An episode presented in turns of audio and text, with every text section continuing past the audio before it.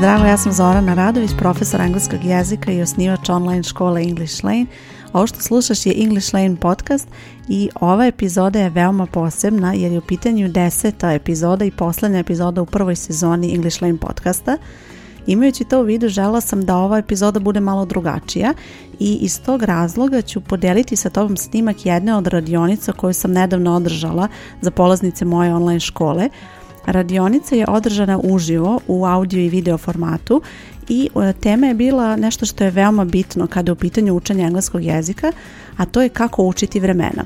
Ova radionica nije nešto gde ćeš pogledati neke definicije, pravila i one silne tabele kako se gradi koje vreme, već je e, jedna radionica koja će ti pomoći da shvatiš šta su to vremena, koje su sličnosti, koje su razlike i neke E, univerzalne stvari koje će ti pomoći da razumeš kako da naučiš kako se grade vremena. Ne da naučiš da onako naučiš neku tabelu, već da razumeš kako se ta vremena grade, zašto se negde koristi nastavak ANG, zašto se negde koristi ovaj glagol i tako dalje i možda ću u okviru ove radionice nekada pomenuti nešto što se vidi na ekranu jer je ovo bio snimak audio i video formatu, ali bez obzira objašnjenja koje ćeš ovde čuti su samo po sebi jako korisne i nešto što ćeš odmah moći da primeniš kada e, kreneš da radiš vežbanja i kada kreneš da učiš detaljnije vremena u engleskom jeziku. Poslušaj sada snimak, a čujemo se posle na kraju epizode sa još nekim detaljima. Znači, radionica za danas je kako učiti vremena u engleskom. Vi ste do sada u toku kurseva koje pohađate verovatno već sreli neka vremena i naučili kako se ona grade ili kako se koriste, ali postoji dosta nesigurnosti kod, um, kod te upotrebe i zato sam žela da vam skrem pažnju na neka univerzalna pravila i nešto, na način na koji da razmišljate kada su u pitanju vremena Prvo što treba da naučite je šta su to vremena, znači svaki glagol u engleskom koji treba da kažete ima neko vreme, on mora da bude u nekom vremenu i vi u najvećem broju slučajeva ne možete da izgovorite rečenicu a da ne upotrebite glagol. Samim tim vremena su nešto što ćete koristiti bukvalno od početka i bukvalno šta god želite da kažete potrebno vam je vreme. za vreme vam je bitno da znate prvo da glagol ima osnovni oblik koji se zove infinitiv, I u engleskom je pun infinitiv to be, to live, to read. Znači ima ovo ispred to. To tu se ne koristi kad su u pitanju vremena. Koristi se za neke druge stvari, za infinitive, za, čak i za indirektni govor i tako dalje, ali kada su u pitanju vremena nećete koristiti ovo tu, nego ćete koristiti samo ovaj glavni deo glagola, to je nek, u gramatikama se to zove i krni infinitiv, ali to nije bitno, znači, ali bitno je zapamtite samo da vi koristite glagol bez to. To je osnovni oblik glagola be, live, read. U zavisnosti od vremena koje se koristi, taj glagol se menja u engleskom i onda će jedan glagol biti recimo nekada live, nekada lives, nekada is living, will live, has been living, had lived. To su sve oblici glagola u različitim vremenima i vaš zadatak je naravno da naučite kada se koristi, u kom vremenu taj glagol i kako da znate da napravite u tom vremenu glagol. Prvo što je bitno da naučite je da postoje lica i oblici. To mi je neophodno za sva vremena koje učite. Dakle, bitno je da naučite da u engleskom ima jednina i množina, da su lica u jednini I, you, he, she, it i množina we, you, they. To su lične zamenice, ali bez obzira koji subjekat imate u rečenici, vi ćete moći taj subjekat da zamenite jednom od ovih osam zamenica. Znači koji god subjekat da imate. I onda kad znate kako je glagol glasi uz određenu ličnu zamenicu, onda ćete znati uz bilo koji subjekat koji dobijete, zato što su zamenice zapravo i služe tome da zamene subjekat. Osim toga, osim tih lica, potrebno je da zapamtite i da postoji tri oblika, potvrdan, odričan i upitan to je vrlo bitno da zapamtite. Kada učite u okviru kurseva, videli ste da postoji i e, kratki odgovori. Ja i to navodim kao jedan od oblika. E, on nam sada nije toliko bitan, ali da znate da postoji, da, da prosto to je neki e, kolokvijalni način da odgovarate. Recimo, um, is it cold? Yes, it is. No, it isn't. E sad, um, glagol to be kao glavni glagol. Ono što prvo morate da naučite, pre nego što naučite bilo koje vreme, je da naučite glagol to be i to da naučite dosta sigurno taj glagol, da on može biti glavni glagol. I zašto? Zato što je to jedini glagol koji ne prati uh, klasične ove oblike kada su u pitanju present simple i past simple. I to je ono što se prvo nauči. Znači glagol to be, a najpotrebnije je ne prati znači standarde ove eh, kako se grade svi ostali glagoli, ali e, se jako često koristi taj glagol i morate da zapamtite njega posebno. Znači imamo present simple, oblici su am, is ili are. I onda imamo she is tall, upitan oblik. Recimo se gradi is she tall. Zamene se mesta. I to nije pravilo koje važi za present simple. To je pravilo koje važi za present simple samo za glagol to be. Za ostale glagole imate, ovdje vidite dole she works in a bank, does da, she work in a bank. To je pravilo kada su svi ostali glagoli, znači bez obzira koji god glagol da zamislite u engleskom, to je pravilo, ali kada je u pitanju glagol to bi morate ovako upotrebiti. E, zato što je on specifičan ovako, vrlo često dolazi do zabune. Vrlo često dolazi i do zabune zato što je glagol to bi ujedno i pomoćni glagol, može biti. E, kako da prepoznate? Pomoćni glagol je ako stoji uz neki drugi glagol. Ako stoji samostalno, onda je glavni. To je znači način na koji ćete prepoznati. U ovom slučaju prva rečenica she is tall, taj glagol stoji samostalno, nema u nastavku drugog glagola i taj glagol je glavni glagol. Onda imamo past simple, isto specifičan glagol, was i were su oblici u prošlom vremenu, they were here, they weren't here. U odrečnim rečenicama koristi se weren't dodaje se samo not. Šta to znači? Da kada imate glagol to be u present simple i past simple vremenu, kad je glagol to be glavni glagol, ne treba vam pomoćni glagol. To je potpuno izuzetak od pravila, to nigde drugde ne važi, ni u jednom drugom vremenu, ni za jedan drugi glagol, znači samo u ovim slučajima ne treba vam pomoćni glagol, već samo koristite glagol to be da napravite i upitan i odrečan oblik kao što vidite ova rečenica they left early, they didn't leave early, to su standardna pravila za past simple, dakle to je nešto što ćete koristiti za sve druge glagole osim za glagol past simple. Evo, za glagol to be, izvinjam se, u vremenu past simple. E sad, to je specifično za present simple i past simple, glagol to be. Za ostala vremena to nije slučaj, za ostala vremena ćete koristiti glagol to be kao da je bilo koji drugi glagol. Recimo, ako imamo future simple, i tu glasi pravilo da se potvrdan oblik gradi will plus infinitive, onda će tu biti will be. To je ono što zbuni ljude. Nauče oni glagol to be, am, is ili are su oblici za present simple, was i were su za prošlo vreme i onda kad dođe neko drugo vreme i piše u zagradi be, tu nastane potpuna zabuna. Znači, vrlo je bitno da razgraničite kada je glagol to be u pitanju.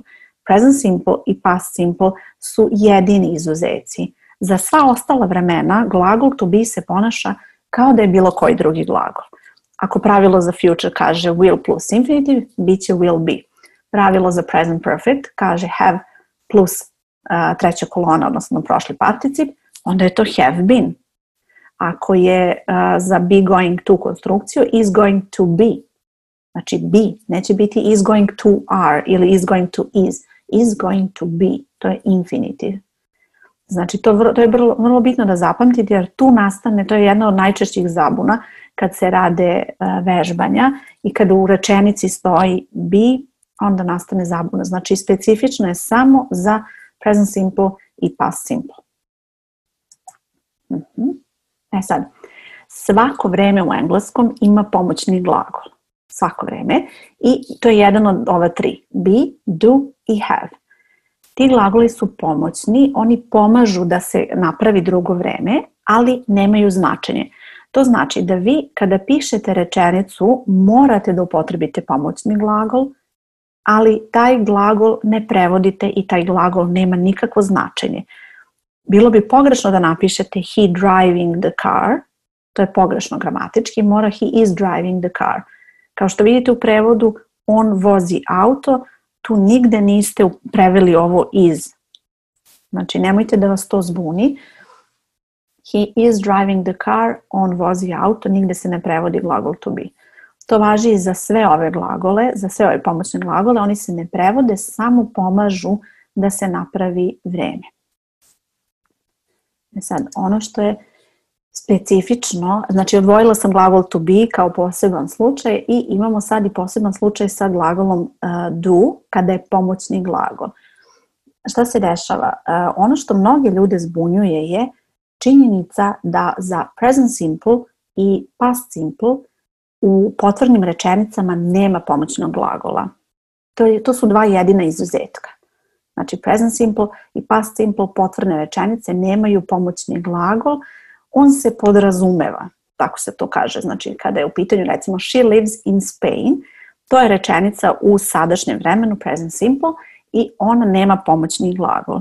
Ono što ljude zbunjuje je a, kako da naprave upitnu i odričnu rečenicu, jer tu dođe do nesigurnosti zato što nema pomoćnog glagola i onda se zapitaju šta, koji sad, da li was she live in Spain, is she live in Spain.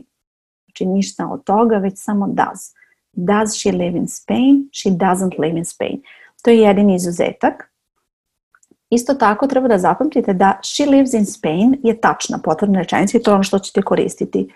Postoji oblik she does live in Spain. Znači potvrdan oblik, ali sa pomoćnim glagolom. She does live in Spain. Postoji, ali taj oblik je naglašavanje. I to biste preveli ona zaista živi u Španiji.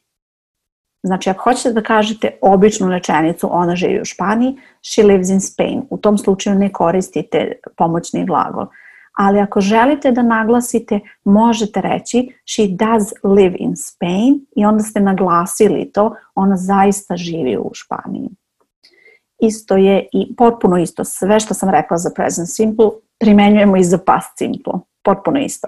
Znači, potvrna rečenica nema pomoćni glagol, ali Kad se pravi upitna rečenica, mora da se upotrebi did i odrična isto did plus not, odnosno didn't.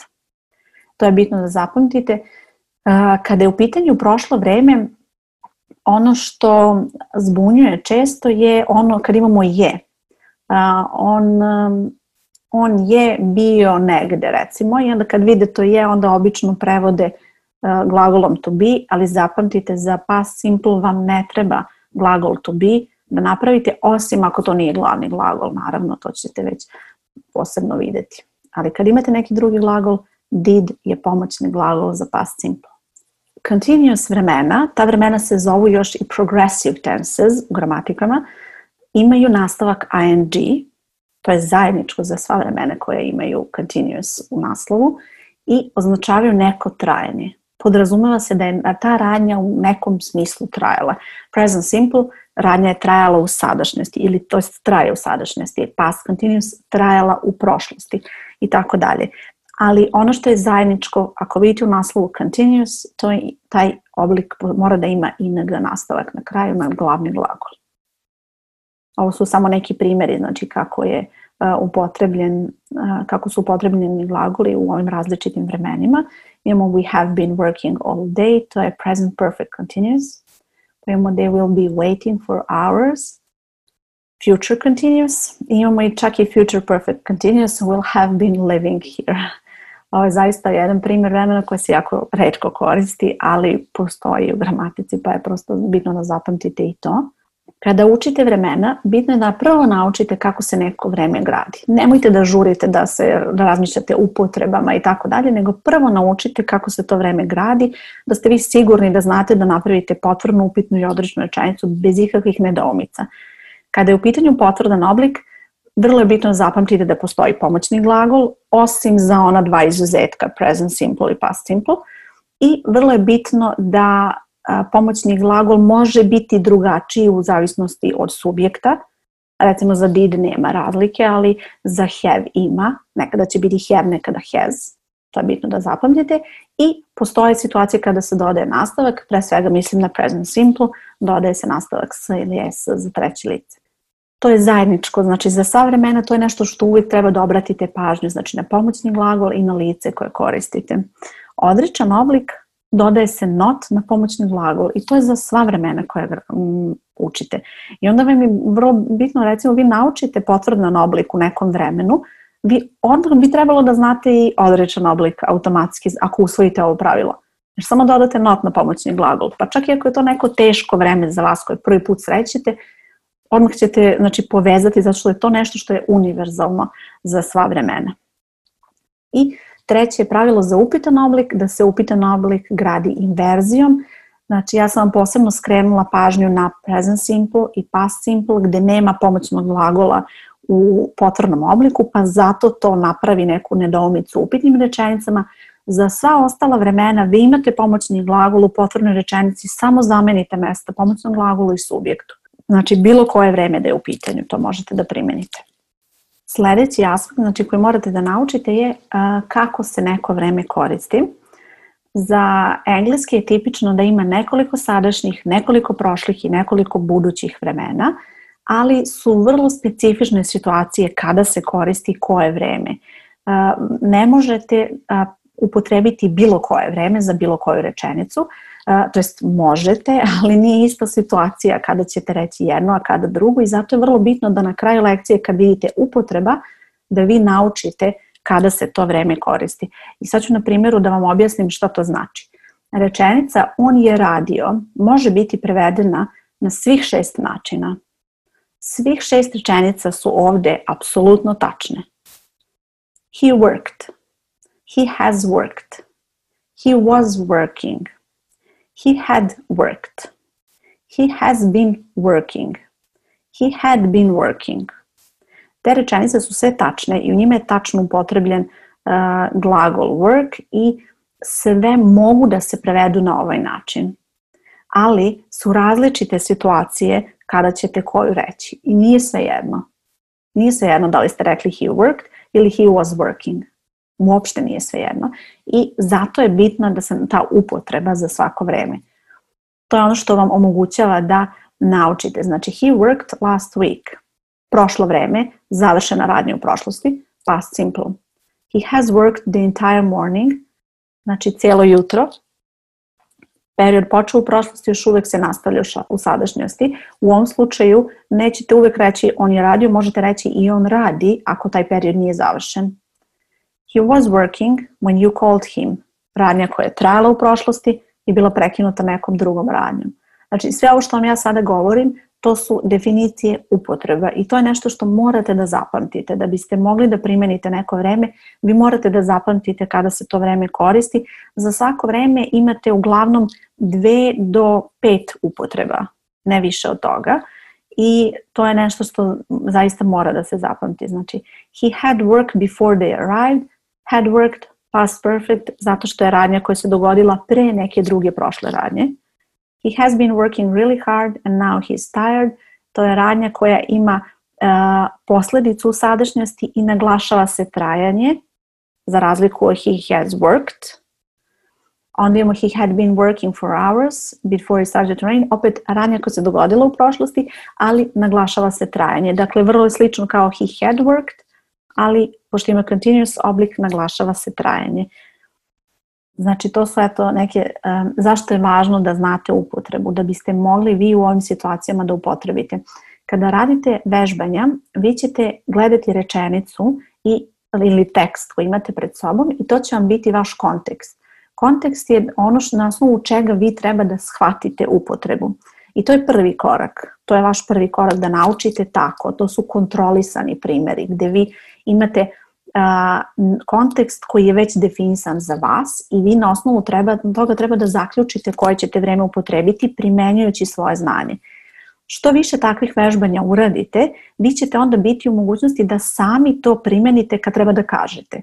To je sledeći korak, završni korak, znači da sve ovo što naučite objedinjeno primenite u konverzaciji, jer to je ono što mi je potrebno, vežba vežba, da kad treba da kažete nekome, znači kad vas pita recimo e, neko what have you been doing lately, da vi odmah znate koje ćete vreme upotrebiti, da li ćete reći da present simple, da ćete reći present perfect, da znate. Znači to je nešto što morate da učite prvo kroz dosta primera koji su kontrolisani i koji već imaju kontekst, da biste onda i vi shvatili taj kontekst kada treba vi da kažete. Ono što vam još pomaže u svemu tome su priloške odredbe za vreme. Ja sam ovde navela samo kao primer present simple i present continuous, imamo always, usually, often, every day i tako dalje. Onda imamo now, at the moment, to je za present continuous. Za mnoga vremena postoje ove priloške odredbe i to je nešto što vam može pomoći, ali to nije sve, znači nekada nema priloške odredbe za vreme, nekada morate da tumačite rečenicu, odnosno tekst, da biste shvatili kontekst da biste onda shvatili koje upotrebe u pitanju. Dakle, prvo je bitno da naučite kako se vreme gradi, kako da gledate šta je pomoćni, šta je glavni glagol, da koristite te glagole, da pravite upitne i odrečene rečenice i zatim analizirate upotrebu i te priloške odredbe za vreme koje se još zovu i signalne reči. Za dalji nastavak učenja vi možete koristiti dva ova resursa koja ću vam ovde navesti – Prvo imamo vremena u engleskom jeziku, to je vodič koji je dostupan javno na sajtu, koji možete preuzeti, koji je u obliku e-knjige. E, znači englishlane.net online škola i na blogu ćete naći, samo scrollujte malo dole kroz blog i naći ćete ovaj vodič, znači možete da preuzmete kao knjigu i tu je navedeno kako se grade ta vremena kroz neko i kroz primere, imate i upotrebu, znači to je nešto što može da bude kao vaš podsjetnik kada učite a e, i to vam je dostupno znači da preuzmete i da sačuvate, a s druge strane imamo i kurs vremena u engleskom jeziku. E, mnogi od vas imaju kurs, možda neko nema, ako nema samo mi pošaljite poruku e, da, da vidim da li vam je potreban u ovom trenutku kurs, jer ako radite recimo engleski 1.01, vama kurs vremena još uvek ne treba. Uh, ali um, kurs vremena u engleskom jeziku je još jedan resurs koji ćete koristiti gde su vremena podeljena po modulima. Svaki modul se fokusira na jedno vreme gde je potrebno da naučite i kako se gradi, kako se upotrebljava i zatim postoji dosta vežbanja da provežbate to sve. To je nešto gde ćete vi moći da dalje vežbate vremena a u nastavku ove radionice ćemo imati vežbanja koje ćemo zajedno uraditi i gde ćemo probati da analiziramo, da vam pokažem kako da razmišljate o kontekstu, kako da gledate gde su priloške odredbe, da kako vidite vreme, kako utiče jedno vreme na drugo vreme i tako dalje. Eto, nadam se da ti je ova priča bila zanimljiva, iako je nešto iz gramatike, ali ipak eh, da pogledaš sve to sa drugačije strane. A e, resurse koje pominjem u ovoj e, radionici, htela sam još jednom da ti napomenem znači šta je to u pitanju. Prvi resurs je vodič vremena u engleskom jeziku i to je besplatni um, vodič koji možeš preuzeti na ovoj stranici u obliku e-knjige. A drugi resurs koji pominjem je kurs vremena u engleskom jeziku, to je online kurs koji je podeljen po modulima gde svaki modul se fokusira na jedno određeno vreme uz mnoštvo vežbanja i lekcija na temu vremena i taj kurs je dostupan uz dugoročne članarine u okviru English Lane škole Pored online kurseva koji su inače dostupni na online platformi, ja redovno držim i ovakve radionice i moje polaznice onda imaju priliku da me pitaju u vezi sa određenom temom, da razjasnimo neke nedoumice i posle svake od ovih radionica imamo vežbanja gde to što je e, obrađeno na toj radionici provežbamo kroz konkretne primere. Video snimci radionica su dostupni članovima škole, tako da čak i sada kada postaneš član možeš da pogledaš ponovo neke radionice koje smo već imali. Ovakve radionice su odlična prilika da dodatno provežbaš neke teme uz online kurseve koje ćeš redovno pohađati u okviru škole i naravno kada god imaš priliku i kada ti odgovara termin ti se možeš priključiti radionicama da zajedno provežbamo i da mi postaviš neka pitanja ukoliko imaš neke nedoumice i da dobiješ povratnu informaciju odmah u toku tih vežbi koje radimo posle radionice.